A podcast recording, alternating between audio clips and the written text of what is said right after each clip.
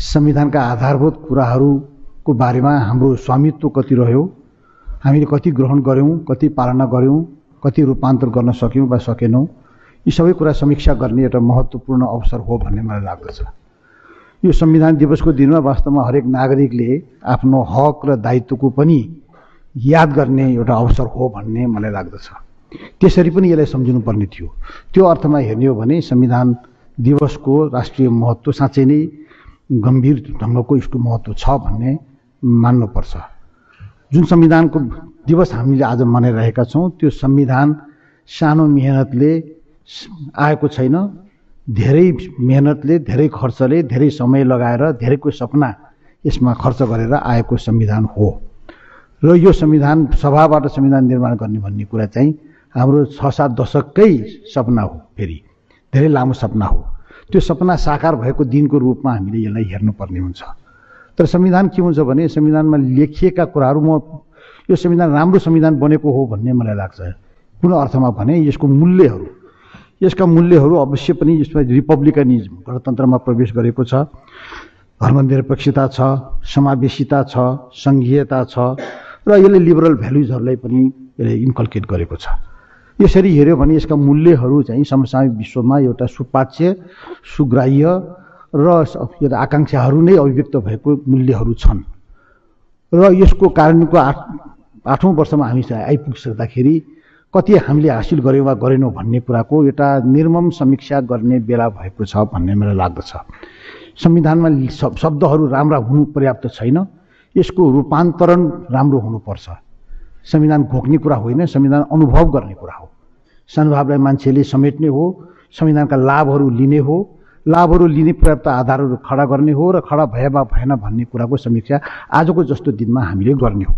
त्यसैले यो देशको दूरगामी भविष्यलाई प्रभावित गर्ने गरी आएको यो जुन संविधान छ त्यो संविधानले जुन ढङ्गले जुन दिशामा यो बनेको थियो जुन लक्ष्य यसले राखेको थियो जुन प्रक्रियाले निर्धारण गरेको थियो त्यसरी यो साकार रूपमा सबल रूपमा कार्यान्वित भयो कि भएन भनेर हेर्न पर्ने एउटा हेर्ने अवसरको रूपमा यसलाई लिनुपर्छ भन्ने मलाई लाग्दछ। संविधानमा जहिले पनि कुरा के मैले भन्न चाहन्छु भने संविधानमा चाहिँ एउटा रूपान्तरण महत्त्वपूर्ण हुन्छ। लेखिएका कुराहरू आफै रूपान्तरण हुँदैनन् रूपान्तरण गर्ने कुरा हो र रूपान्तरण महत्त्वपूर्ण हुन्छ। ट्रान्सफर्मेटिभ कन्स्टिट्युसनलिजम भन्छ कि? कन्स्टिट्युसन लेखिनु पर्याप्त छैन कन्स्टिट्युसन मान्नुपर्छ भन्नु पनि पर्याप्त छैन कन्स्टिट्युसनलिजम भनेर पनि पर्याप्त छैन। त्यो ट्रान्सफर्मेटिभ छ कि छैन? मान्छेको जीवन स्तरमा परिवर्तन भयो कि भएन गुण जीवनको गुणस्तरमा परिवर्तन भएको भएन अनुभवमा परिवर्तन भयो कि भएन। यसरी यसलाई हेर्ने हो भने त्यो ढङ्गको भयो कि भएन एउटा हेर्ने कुरा महत्त्वपूर्ण कुरा छ। तर यो आठ वर्षसम्म हामी चाहिँ यो यात्रा तय गर्दाखेरि संविधानमा लेखिएका हकहरूको कुरा संविधानमा व्यवस्थित संस्थाहरूका कुरा संविधानमा लेखिएका प्रक्रियाहरूका कुरा यसले जुन जुन ढङ्गले यी सबै कुराको संरचना गरेको त्यो तिन तिन अङ्गहरूले काम गर्यो कि गरेन त्यसका नतिजाहरू आयो कि आएन यो समीक्षा चाहिँ यसको समीक्षा गर्ने यसै प्रश्न हामीहरूको अगाडि छ भन्ने लाग्दछ। त्यसरी हेऱ्यौँ भने एउटा विभिन्न बुँदाहरू अहिले यहाँ वक्ता मान्य जो हुनुहुन्छ मान्य डक्टर शेखर कोइरालाले राजनीतिक दलहरू यसको अहम भूमिका छ भने यो प्रजातन्त्र ल्याउने राजनीतिक दल हो। म व्यक्तिगत भन्ने गर्छु मेरो यो प्रजातन्त्र ल्याउनलाई धेरै कुनै कसरत गरेको मान्छे होइन। म जाइ खाएर बसेको मान्छे हुँ म प्रजातन्त्रको उपभोग गरेको मान्छे हुँ। प्रजातन्त्र उहाँहरूले ल्याउनु हो। अनि प्रजातन्त्र अहिले जोखिममा छ भने उहाँहरूले हुनुहुन्छ जोखिममा पार्ने पनि भन्छु म। यो जिम्मा चाहिँ पनि उहाँहरूकै हातमा छ। मतलब यो यसको अर्थ के भने राजनीतिक जुन वृत्त छ उहाँहरूले नै यो पनि हेर्ने कुरा हो। त्यसरी हेऱ्यो भने राजनीतिक दलहरू यो संविधान निर्माणको समयमा कहाँनिर हुनुहुन्थ्यो? संविधान कार्यान्वयनको चरणमा कहाँनिर हुनुहुन्छ? संविधान आफ्नो राजनीतिक दलहरूको आफ्नो आन्तरिक प्रजातन्त्र के हो? आन्तरिक पारदर्शिता के हो? यसको संविधान सङ्गत मूल्य र मान्यताहरू एउटा चाहिँ पारदर्शी रूपमा जनताले भन्न सकिने अवस्थामा छ कि छैन? राजनीतिक दलहरूको प्रजा आन्तरिक प्रजातन्त्र नै यो चाहिँ देशको प्रजातन्त्रको प्रतिबिम्ब हो भन्ने मलाई लाग्छ। यसरी उहाँहरूको जस्तो चाहिँ जुन एउटा अभिव्यक्ति अहिले आउने छ त्यसले हामीले धेरै नै सुसूचित गर्नेछ भन्ने मलाई लाग्दछ। त्यसै गरेर यो संविधानले महत्त्वपूर्ण अङ्गको रूप मूल्यको रूपमा ग्रहण गरेको एउटा सबभन्दा ठुलो छलाङ मारेको कुरा के लाग्छ भने समावेशिता हो। र विश्वकै संविधानहरूको विकासहरूको यात्रामा हाम्रो संविधानले एउटा साहसपूर्वक यो समावेशिताको मूल्यलाई समावेश गरेको छ। यो समाविष्टको कार्यान्वयन खास गरेर चाहिँ अब समानुपातिक निर्वाचन प्रणाली छ नियुक्तिहरूमा चाहिँ समावेशिताका सिद्धान्तहरू छन् हकमै समावेशिताको कुराले समावेश गरिएको छ। तर त्यो कार्यान्वयनको चरणमा यसको चाहिँ एउटा विस्तार कस्तो भयो? यो कहीँ केन्द्रित रह्यो वा यो विस्तारित रह्यो? यो चाहिँ सदुपयोग भयो अथवा सदुपयोग हुन सकेन? यो कुन अवस्थामा छ। समावेशिताको मूल्यको एउटा सार्वजनिकरण वा यो भनौँ न सार्व यो सार्वभौमिक रूपमा यसलाई प्रयोग गर्न सकिएन भने फेरि पनि प्रजातन्त्र प्रभावित हुन्छ। त्यसैले एउटा महत्त्वपूर्ण मुद्दा यो चाहिँ समावेशिताको हो भन्ने मलाई लाग्दछ। पछिल्लो दिनमा प्रजातन्त्रको सबभन्दा ठुलो महत्त्वपूर्ण संस्था प्रजातन्त्र चलाउने संस्था भनेको फेरि संसद हो। जनताले निर्वाचन मार्फत आफ्नो प्रतिनिधिहरू छान्दछन् र जनताका सबै आकाङ्क्षाहरू विकासका कुराहरू शान्तिका कुरा सुरक्षाका कुरा स्वशासनका कुरा सबै कुराहरू संस आफ्नो प्रतिनिधिहरू मार्फत व्यवस्था गरिने कुराबाट हेरिने कुरा हो। र संसदको संरचना त्यो ढङ्गले भएको हो तर संसदले यो सबै जनताका जुन अपेक्षाहरू जुन संविधानमा लेखिएका छन् त्यसको रूपान्तरण गर्नमा कति महत्त्वपूर्ण भूमिका खेल्न सक्यो त्यसको समीक्षा गर्ने बेला भएकै छ जस्तो लाग्दछ। निर्वाचन त हामीले दुईवटा निर्वाचन सम्पन्न गरिसक्यौँ। र नयाँ चाहिँ संसद हामीले स्थापना गरेका छौँ। उहाँले काम गरिरहनु भएको छ। तर कार्य चाहिँ यो जुन कार्यशील शैलीको रूपमा हेर्ने हो भने सात महिनामा एउटा भनौँ न विनियोजन ऐनको कुरा बाहेक गर्ने हो भने मिटर ब्याजको एउटा ऐन बनेको छ। अरू चाहिँ ऐन बनेको छैन। सात महिनामा एउटा दुईवटा ऐन बनाएर पुग्ने हो र यो उत्पादकत्व हो र यसको यसको जवाबदी त पुग्यो र सङ्घीयतामा लागि चाहिने थुप्रै ऐनहरू छन्। यो संविधान बमोजिम व्यवस्थित गर्नुपर्ने विभिन्न क्षेत्रहरू छन्। निजामती सेवा जस्ता आधारभूत सेवाकै कुराहरू पनि व्यवस्थित गर्नुपर्ने छन्। एकातिर चाहिँ विधायनको धेरै ठुलो क्षेत्र असम्बोधित छ। हाम्रो सांसदसँग समय नभएको पनि होइन। तर संसद संसद छ सांसद छ समय छ तर तर बिजनेस छैन अथवा बिजनेसको सम्बोधन छैन। त्यसको नतिजा छैन। काम अवरुद्ध भइरहेको छ। यस्तो लाग्छ कि सरकार बनाउनको लागि मात्र निर्वाचन गरेको हो कि? सरकार विघटनको गर्नको लागि मात्र संसदमा उभिरहनु पर्ने हो कि? यो के हो? संसदको उपाध्ययता संसदलाई म चाहिँ थ्योरिटिकली म यसलाई च्यालेन्ज गरिरहेको छैन। मैले के भनिरहेको छु भने संसदले आफ्नो चाहिँ जुन स्थापित औचित्य छ त्यसलाई फेरि दिनै दैनन्दिनमै क्रियाकलापमा पनि प्रमाणित गरि नै रहनुपर्छ। अन्धभक्त भएर संसदको औचित्यमा चाहिँ जनताले नतमस्तक भएर समर्पण गरिरहन सक्दैनन्। त्यस्तो पनि कुरा हो। त्यस कारण यस विषयमा पनि समीक्षा गर्नुपर्छ जस्तो मलाई लाग्दछ। मलाई कस्तो लाग्छ भने संविधानले हाम्रो अर्थतन्त्रको पनि प्रकृति लेखेको छ। कस्तो अर्थतन्त्र हो? हामी चाहिँ यो एउटा समाजवादी कुराहरू गर्छौँ नि। समाजवादी उन्मुख भनेर लेखिरहेका छौँ। अर्थतन्त्रको दिशा त्यसबाट निर्देश निर्देश हुन्छ। हामी सम अर्थतन्त्रको रूप हेऱ्यो भनेदेखि चाहिँ एकदम विकृत चाहिँ क्लिप्टोक्रेसीतर्फ कहीँ गएको हो कि जस्तो लाग्ने। संविधानमा लेख्ने समाजवाद उन्मुख अनि जाने चाहिँ क्रिप्टोक्रेसी र अहिले चाहिँ जुन किसिमको अर्थतन्त्र हाम्रो चलेको छ जुन किसिमको अर्थतन्त्रका समस्याहरू आएको छ त्यो हेर्दाखेरि त यो त्यो वित्तीय अपराधको चाहिँ सञ्जालमा कहीँ अल्मलिएको त छैन अर्थतन्त्र। यो त क्रिमिनल डाइमेन्सन पो यो सबल भएर आयो कि अर्थतन्त्रको स्वाभाविक चाहिँ सञ्चालन भन्दा पनि अन्य कुराहरू भयो कि यस्तो कुरा पनि हामीहरूसँग रहिरहेको छ। अब मैले संसदको कुरा समस्या बताएँ मैले। संवैधानिक अङ्गहरू यो संविधानले प्रशस्त स्थापना गरेको छ। तर संवैधानिक अङ्गहरू आफै चाहिँ एउटा हिन भावले ग्रस्त भएको बडो चाहिँ एउटा के भन्छ डिफेन्सिभ डिफेन्सिभ रूपमा रहेको प्रभावहीन रहेको अथवा जुन किसिमको चेक एन्ड ब्यालेन्स संविधानको चेक एन्ड ब्यालेन्स गर्ने नियामक निकायहरू हुन् यो संवैधानिक अङ्गहरू तर चेक एन्ड ब्यालेन्स होइन कि आफै चेक र ब्यालेन्स हुने अवस्थामा पुगिरहेको जस्तो त्यस्तो अनुभूति हुन्छ र आफ्नो वैधताको प्रश्नमा नै अल्मलिरहेको जस्तो देखिन आएको छ। अरू त अरू स्वयं न्यायपालिका पनि यसमा यस यो सङ्कटबाट मुक्त हुन सकेको छैन। यो संविधानको संविधानले खडा गरेको संवैधानिक परिषद न्याय परिषद संसदीय सुनवाईको प्रक्रिया यी यस्ता ढोकाहरू भए जसले राजनीतिलाई राजनीतिलाई चियाउने ठाउँ बनाइदिएको छ। र राजनीतिले जति जति चियाउँछ नि अदालत न्यायपालिकाप्रति त्यति त्यति न्यायपालिका खुम्चिने अथवा अप्ठ्यारो मान्ने अवस्थामा परेको छ। यो संवैधानिक संरचनाहरूकै पनि कहीँ समस्याहरू छन् र राजनीतिकरणहरू हाबी व्यक्ति मैले के भन्ने गरेको भने राजनीतिले जित्ने र जनताले हार्ने यो परिस्थिति यो संविधानको कारणको चरणमा अनुभव गर्न पर्यो भने त्यो हामीले चाहिँ दुर्भाग्यपूर्ण अवस्थाहरू आयो भन्नुपर्ने हुन्छ। अहिले त हाम्रो चाहिँ कानुन प्रणालीको कार्यान्वयनमा कस्तो आयो भने राजनीतिक वर्ग एउटा पोलिटिकल ह्याप्स भन्छु म। राजनीतिक वर्ग पोलिटिकल ह्याप्स र राजनीतिक वर्गदेखि अरूहरू पोलिटिकल यो नन ह्याड्स ह्याभ नट्सको रूपमा आएको। त्यो किन भनेको छ भने कुनै अपराध घटि घटना भइ पनि हालेछ भने राजनीतिक कर्मी लक्षित चाहिँ अनुस अपराध अनुसन्धान गर्नु पर्यो भने सके जारी नै दर्ता नहोला जारी दर्ता भए अनुसन्धान नहोला अनुसन्धान भयो भने ढङ्गले नहोला भइ पनि हालेछ भने अभियोजन नहोला अभियोग नभए भने मुद्दा दर्ता होला कि नहोला मुद्दा दर्ता भएछ भने पुरा होला कि नहोला त्यो मुद्दै चाहिँ बित्ता फिर्ता हुने होला कि मुद्दा ठहरी पनि हालेछ भने सजाय भुक्तान गर्ला कि नगर्ला? त्यसबाट फेरि माफी मिना पो हुने पो हो कि? र अन्तत राजनीतिक वर्ग लाभान्वित हुने र गैर राजनीतिक वर्ग चाहिँ लाभबाट संविधानले दिएका कानुन प्रणालीले दिएका न्यूनतम लाभहरू पनि बाट वञ्चित हुने अवस्था त कहीँ आएको छैन। अहिले हामी दिन दिनदिनै हेर्छौँ आजै पनि कतिजनाको माफी मुना पाएको होला कतिको समान पहुँच पायो होला। यो गृह मन्त्रालयसँग निवेदन हाल्न सक्ने अवस्थामा कति पुग्यो होला सुनवाई गर्न सक्ने कति अवस्थामा पुग्यो होला। त यो सबै कुराहरू के भने कानुन प्रणालीको एउटा ब्युटी नै के हो भने कानुन यो कानुन पनि एउटा चाहिँ एउटा के अरे सर्भिस हो। र त्यसको लाभको वितरण सबै मानिसले बराबर रूपमा पाएको स्वच्छ वितरण भएको हुनुपर्छ त्यसमा पहुँच पाएको हुनुपर्छ। त्यो अवस्थामा हामीले पुग्यो कि पुगेनौँ? भनेर हेर्दाखेरि यो जुन वर्गीकरण मैले गरेँ पोलिटिकल ह्याब्स र पोलिटिकल ह्याभ नट्सको जुन यो कृत्रिम विभाजन हुने जुन प्रवृत्ति देखा पर्यो त्यो प्रवृत्तिले गर्दाखेरि संविधान दिवस मनाइरहनुको औचित्यलाई कहीँ प्रश्न प्रश्नाङ्कित त कहीँ गर्दैन। यो स्थिति पनि हाम्रो चाहिँ परिणाम भएको छ।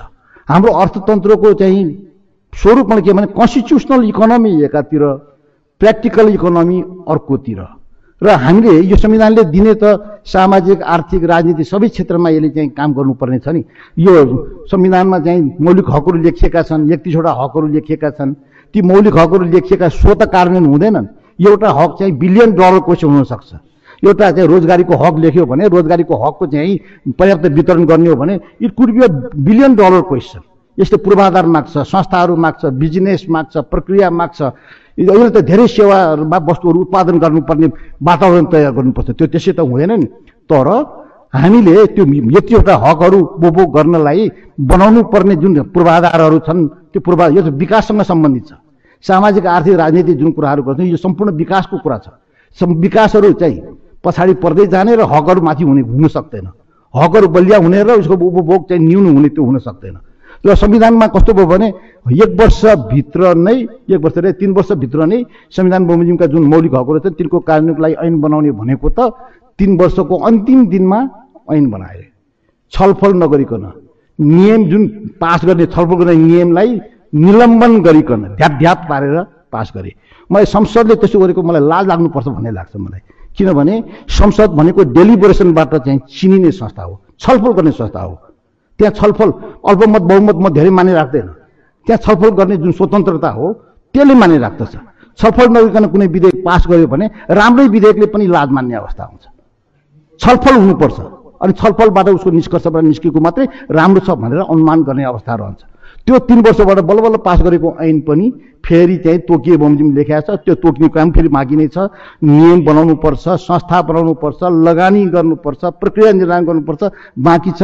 सरकारले भन्न सकोस् नि यो मौलिक हकहरू चाहिँ यतिवटा हकहरू यो ढङ्गमा हामीले वितरण गऱ्यौँ भनेर। सरकारले भन्न सकोस् नि रोजगारीको हक अन्तर्गत एकजना मान्छेलाई यो वर्ष हामीले रोजगारी सिर्जना गऱ्यौँ र बाँड्यौँ भनेर भन्न सकोस् नि। व्हाइट पेपर इस्यु गर्न सकोस् नि। तब पो अर्थ हुन्छ। हामीसँग निर्देशक सिद्धान्त देखाउनलाई लेखिया होइन नि। राज्यको एउटा कार्यदिशा हो त्यो। त्यसतर्फ चाहिँ हाम्रो बजेटहरू जुन बजेट निर्माण हुन्छ त्योबाट अनुप्राणित हुनुपर्छ। त्यहाँ त्यो भएको देखिँदैन। त्यो समग्रमा के देखिन्छ भने संविधानका धेरै धाराहरूमध्ये राजनीतिक वृत्त राजनीतिक वृत्तसँग सम्बन्धित कुराहरू अलि बढी कार्यान्वयन भए प्राथमिकताका साथ र जनताका दैनन्दिनका सरोकारका जीवि जनजीविकाका प्रश्नहरूमा आकर्षित हुने धाराहरू चाहिँ उपेक्षित रहिरहे। र फलत संविधानको जुन लाभदायक जुन पक्ष छ त्यो लाभको भरपुर लाभ लिन सक्ने अवस्थामा जनसाधारण रहेनन्। र जनसाधारणले संविधान दिवस भने के हो? संविधान भनेको के हो? के हो तोता? के हो महिना भने जस्तो भएको छ। र त्यो अवस्था रहनु भनेको एउटा चिन्ताजनक अवस्था हो भन्ने लाग्छ।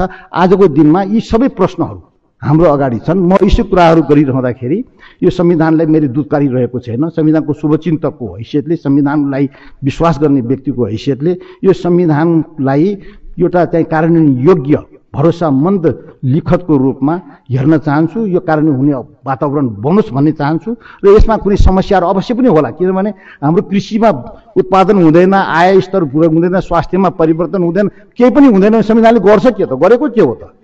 हाम्रो विकास दरमा कुनै परिवर्तन हुँदैन भने संविधानले कहीँ विकाससँग जोडिनु पर्दैन र राजनीतिक शान्ति सुरक्षा न्याय सबै अनुभूतिमा जोडिनु पर्दैन र त्यो कहीँ अनुभूति समस्याहरू छन् भने समस्याहरू पहिलाउनुपर्छ र पहिलाएर त्यसको लागि निदान गर्ने र यस मार्ग प्रशस्त गर्ने बाटो खोलिनुपर्छ एउटा चाहिँ सुधारका बाटाहरूलाई हामीले खोला राख्नुपर्छ।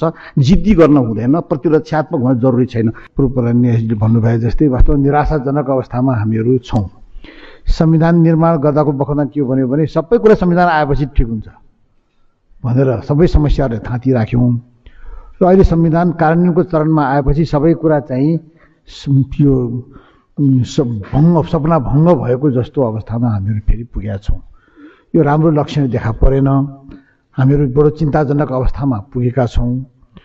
यो यो चिन्ताको सम्बोधन गर्ने बेला भयो। अब चाहिँ सुन्न त मैले सुने दस वर्ष भएपछि पुनरावलोकन गर्ने पनि कुरा छ मान्य ठगेन्द्रजी भन्दै हुनुहुन्थ्यो। पर्खिन सकिन्थ्यो होला तर यो त हतार पो भयो जस्तो छ त। यो यति यति विलम्ब जति भयो काम नगर्नलाई त धेरै विलम्ब भयो काम गर्नेलाई पो हतार गर्ने काम नगर्नेको त के समय हुन्छ र? त्यस कारणले अब यो यो विलम्ब अब अति नसक सहन नसकिने विलम्ब नै भोगी अकार्यान्वयन भन्छु म यो। कार्यान्वयन पनि भएन।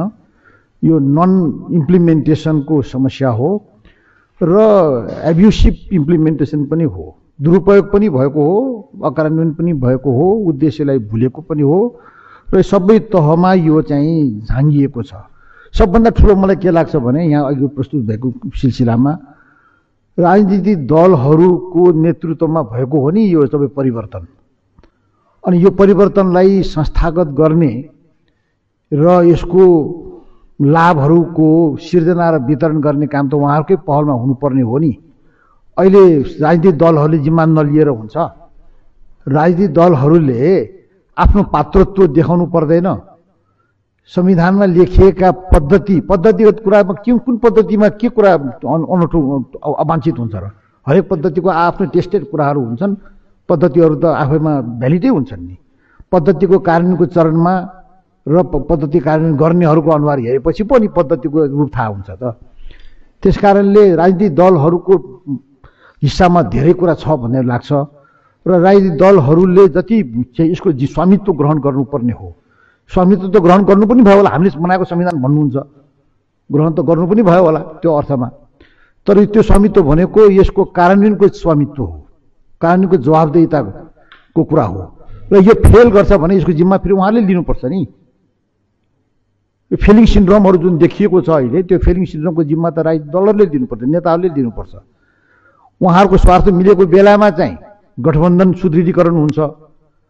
उहाँको स्वार्थ नपरेको बेलामा क्षयीकरण हुन्छ विखण्डीकरण हुन्छ। उहाँको नितान्त व्यक्तिपरक सिद्धान्तहीन र व्यक्तिपरक परक चाहिँ जुन दृष्टिकोणहरू छ त्यसले हामीलाई विभाजित गरेको छ।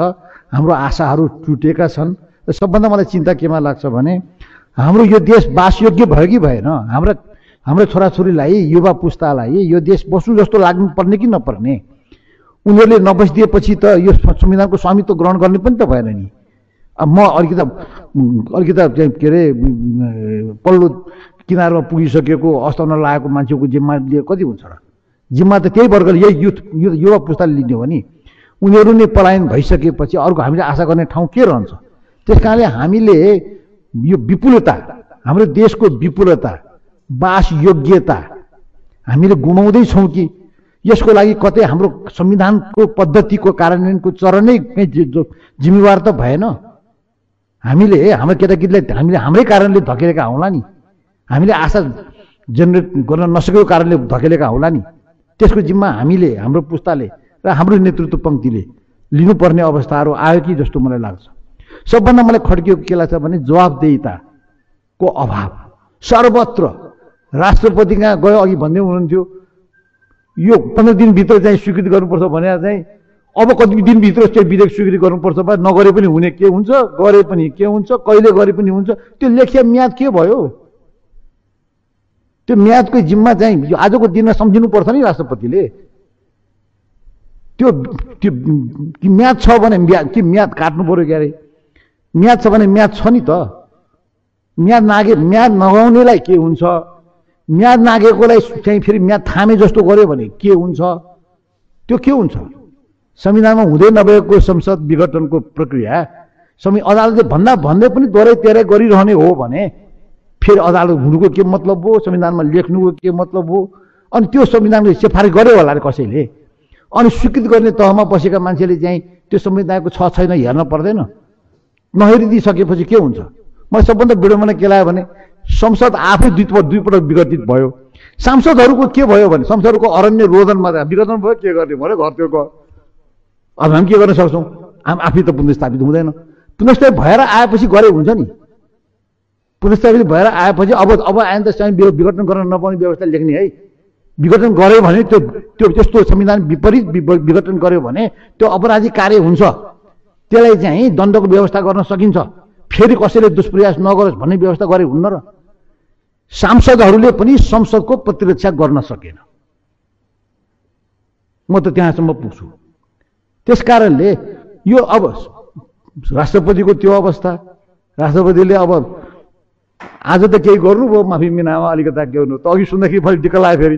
अलितिर अगाडिदेखि नै चाहिँ मुद्दा फिर्ता माफी मुद्दा फिर्ता किन कि त्यहाँ नेगोसिएट भइरहेको होला नि। त्यहाँ माफीको माफीको नेगोसिएट किनभने मुद्दा मागिरह्यो भने त्यहाँ फिर्ता हुन्न माफी हुन्न मिना हुन्न। अब कस्तो कस्तो ट्रेडिङ हो यो? संविधानको हाम्रो राजनीतिको व्यापारीकरण भयो नि। राजनीतिको व्यापारीकरण गर्ने व्यापारीले राजनीति गर्ने अनि राजनीतिले व्यापारी मिलेर बन्द पार्ने।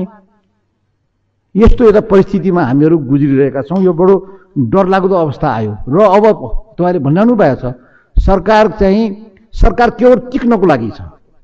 सरकार के गर्नको लागि हो? सरकारको त संवैधानिक भूमिकाहरू छ नि। विकासका कुरा होला शान्ति होला सुरक्षा होला न्याय होला प्रत्याभूतिहरू होला अन्तर्राष्ट्रिय सम्बन्ध होला यावत कुराहरू होला नि। अनि यो हकहरूको कार्यान्वयन गर्ने होला।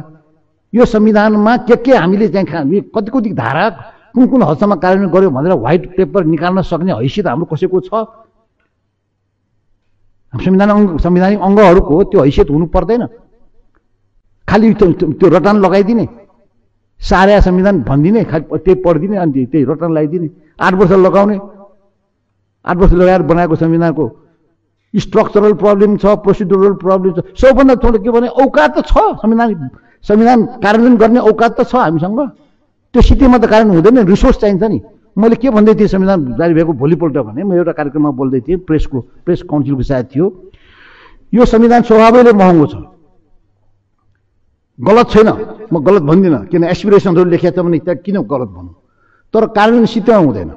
यसलाई रिसोर्सहरू चाहिन्छ। रिसोर्सहरू कहाँबाट आउँछ? त्यो पक्का गर्नुपर्छ। रिसोर्स कहीबाट सहायता लिएर संविधान कार्यान्वयन गर्छु भन्नु कुरा गलत हो।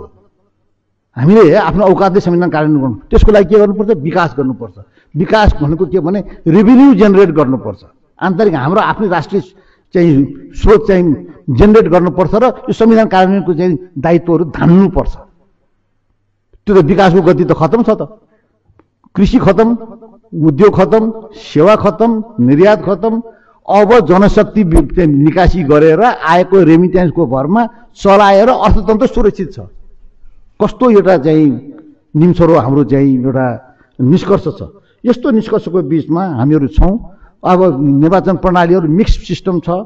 मिक्स सिस्टम पनि कस्तो सिस्टम? राम्रो हुन्थ्यो होला। कोलेसन त संसार राम्रोसँग चलेको पनि छ नि भइरहेको पनि छ नि। इजरायलको हेर्नुहोस् न चलेको त छ नि। त्यो तुरुन्तै त्यहाँ नयाँ चुनाव गर्न सक्छ नयाँ सरकार बनाउन सक्छ फेरि विघटन भए फेरि गर्न सक्छ। हामी त्यस्तो पनि गर्न सक्दैनौँ। चुनाव गर्नु पऱ्यो भने हत्ते राष्ट्रिय चाहिँ ठुलो एउटा चाहिँ के दायित्व आयो भार आयो भनेर कराउनुपर्छ। सरकार बनाउन सक्ने हैसियत छैन।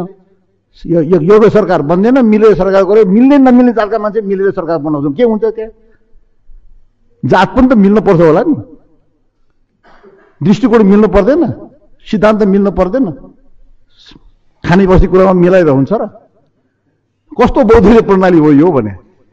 त्यस कारणले यस्तो किसिमको हाम्रो चाहिँ अवस्थामा हामीहरू पुग्यौँ। हामीसँग कन्स्टिट्युसनल चाहिँ कल्चरै रहेन। रुल अफ लको सिस्टम डिफिसियन्ट सिस्टम हामीसँग चलेको छ। हामी सबै न्यायाधीश भइसक्यौँ प्रहरी छौँ वकिल छौँ सबै छौँ। हेर्नलाई त।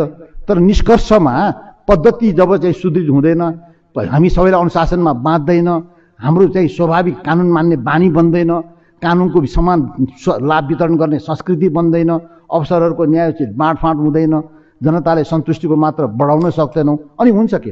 त्यस कारणले अहिलेको जुन अवस्थामा के हो भने हामीसँग यो हामीले आफै बनाएको संविधान पनि कार्यान्वयन गर्ने स्रोत साधन मनस्थिति विचार प्र प्रवृत्ति यावत कुराहरूको अभावले यो चाहिँ खतरामा परेको छ।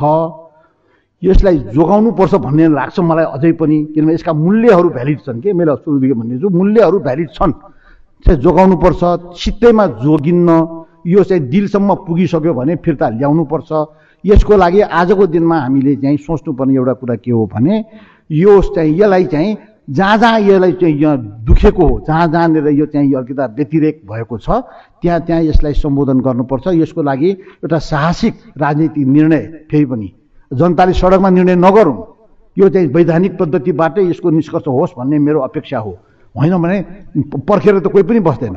त्यस वैधानिक निर्णय चाहिँ लिने हो भने संसदीय प्रक्रियाबाटै वैधानिक तरिकाबाटै सरकारको चाहिँ सहकार्यमा नेतृत्वमा के के गर्नुपर्छ यसलाई चाहिँ एउटा बाटो सुधारको बाटो प्रशस्त गर्नलाई पुनरावलोकन गर्नलाई अब ढिलो गर्न हुँदैन। यो ढिलो अब गर्नुहुन्छ भने फेरि पनि राजनीतिक नेतृत्व पङ्क्ति नै जिम्मेवार हुन्छन्। उहाँहरूले सधैँभरि आफूले निरापद नसम्झिनु भएको हुन्छ। एकपल्ट चुनाव जितेपछि चाहिँ के भयो त्यो लाइसेन्स दिया हो र त्यो?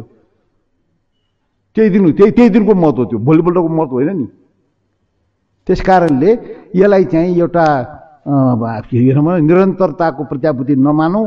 यसलाई चाहिँ देशलाई अध्यावधिक यसको आशा आकाङ्क्षा यसको सपना यसलाई इन्टिग्रिटी जोगाउने यसको विकासले सुनिश्चित गर्ने यो सबै अवसरहरूलाई टेप गर्नको लागि पुनरावलोकनको प्रक्रिया अविलम्ब सुरु गरौँ। यसको लागि हामीले जे जे गर्नुपर्छ सम्वाद गर्नुपर्छ त्यो मेरो चाहिँ एउटा एउटा विनम्र अत्यन्त मेरो चाहिँ एउटा आन्तरिक मेरो चाहिँ सविनय अनुरोध हो।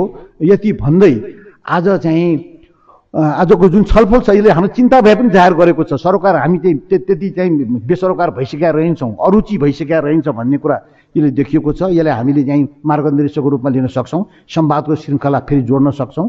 आज यहाँहरू आइदिनु भयो खास गरेर हाम्रो तिनजना वक्ताहरूले आफ्नो प्रस्तुति दिनुभयो र हामीलाई चाहिँ विचारोत्तेजक चाहिँ एउटा सूचनाहरू प्रभाव गर्नुभयो। उहाँले धन्यवाद दिन चाहन्छु। धन्यवाद।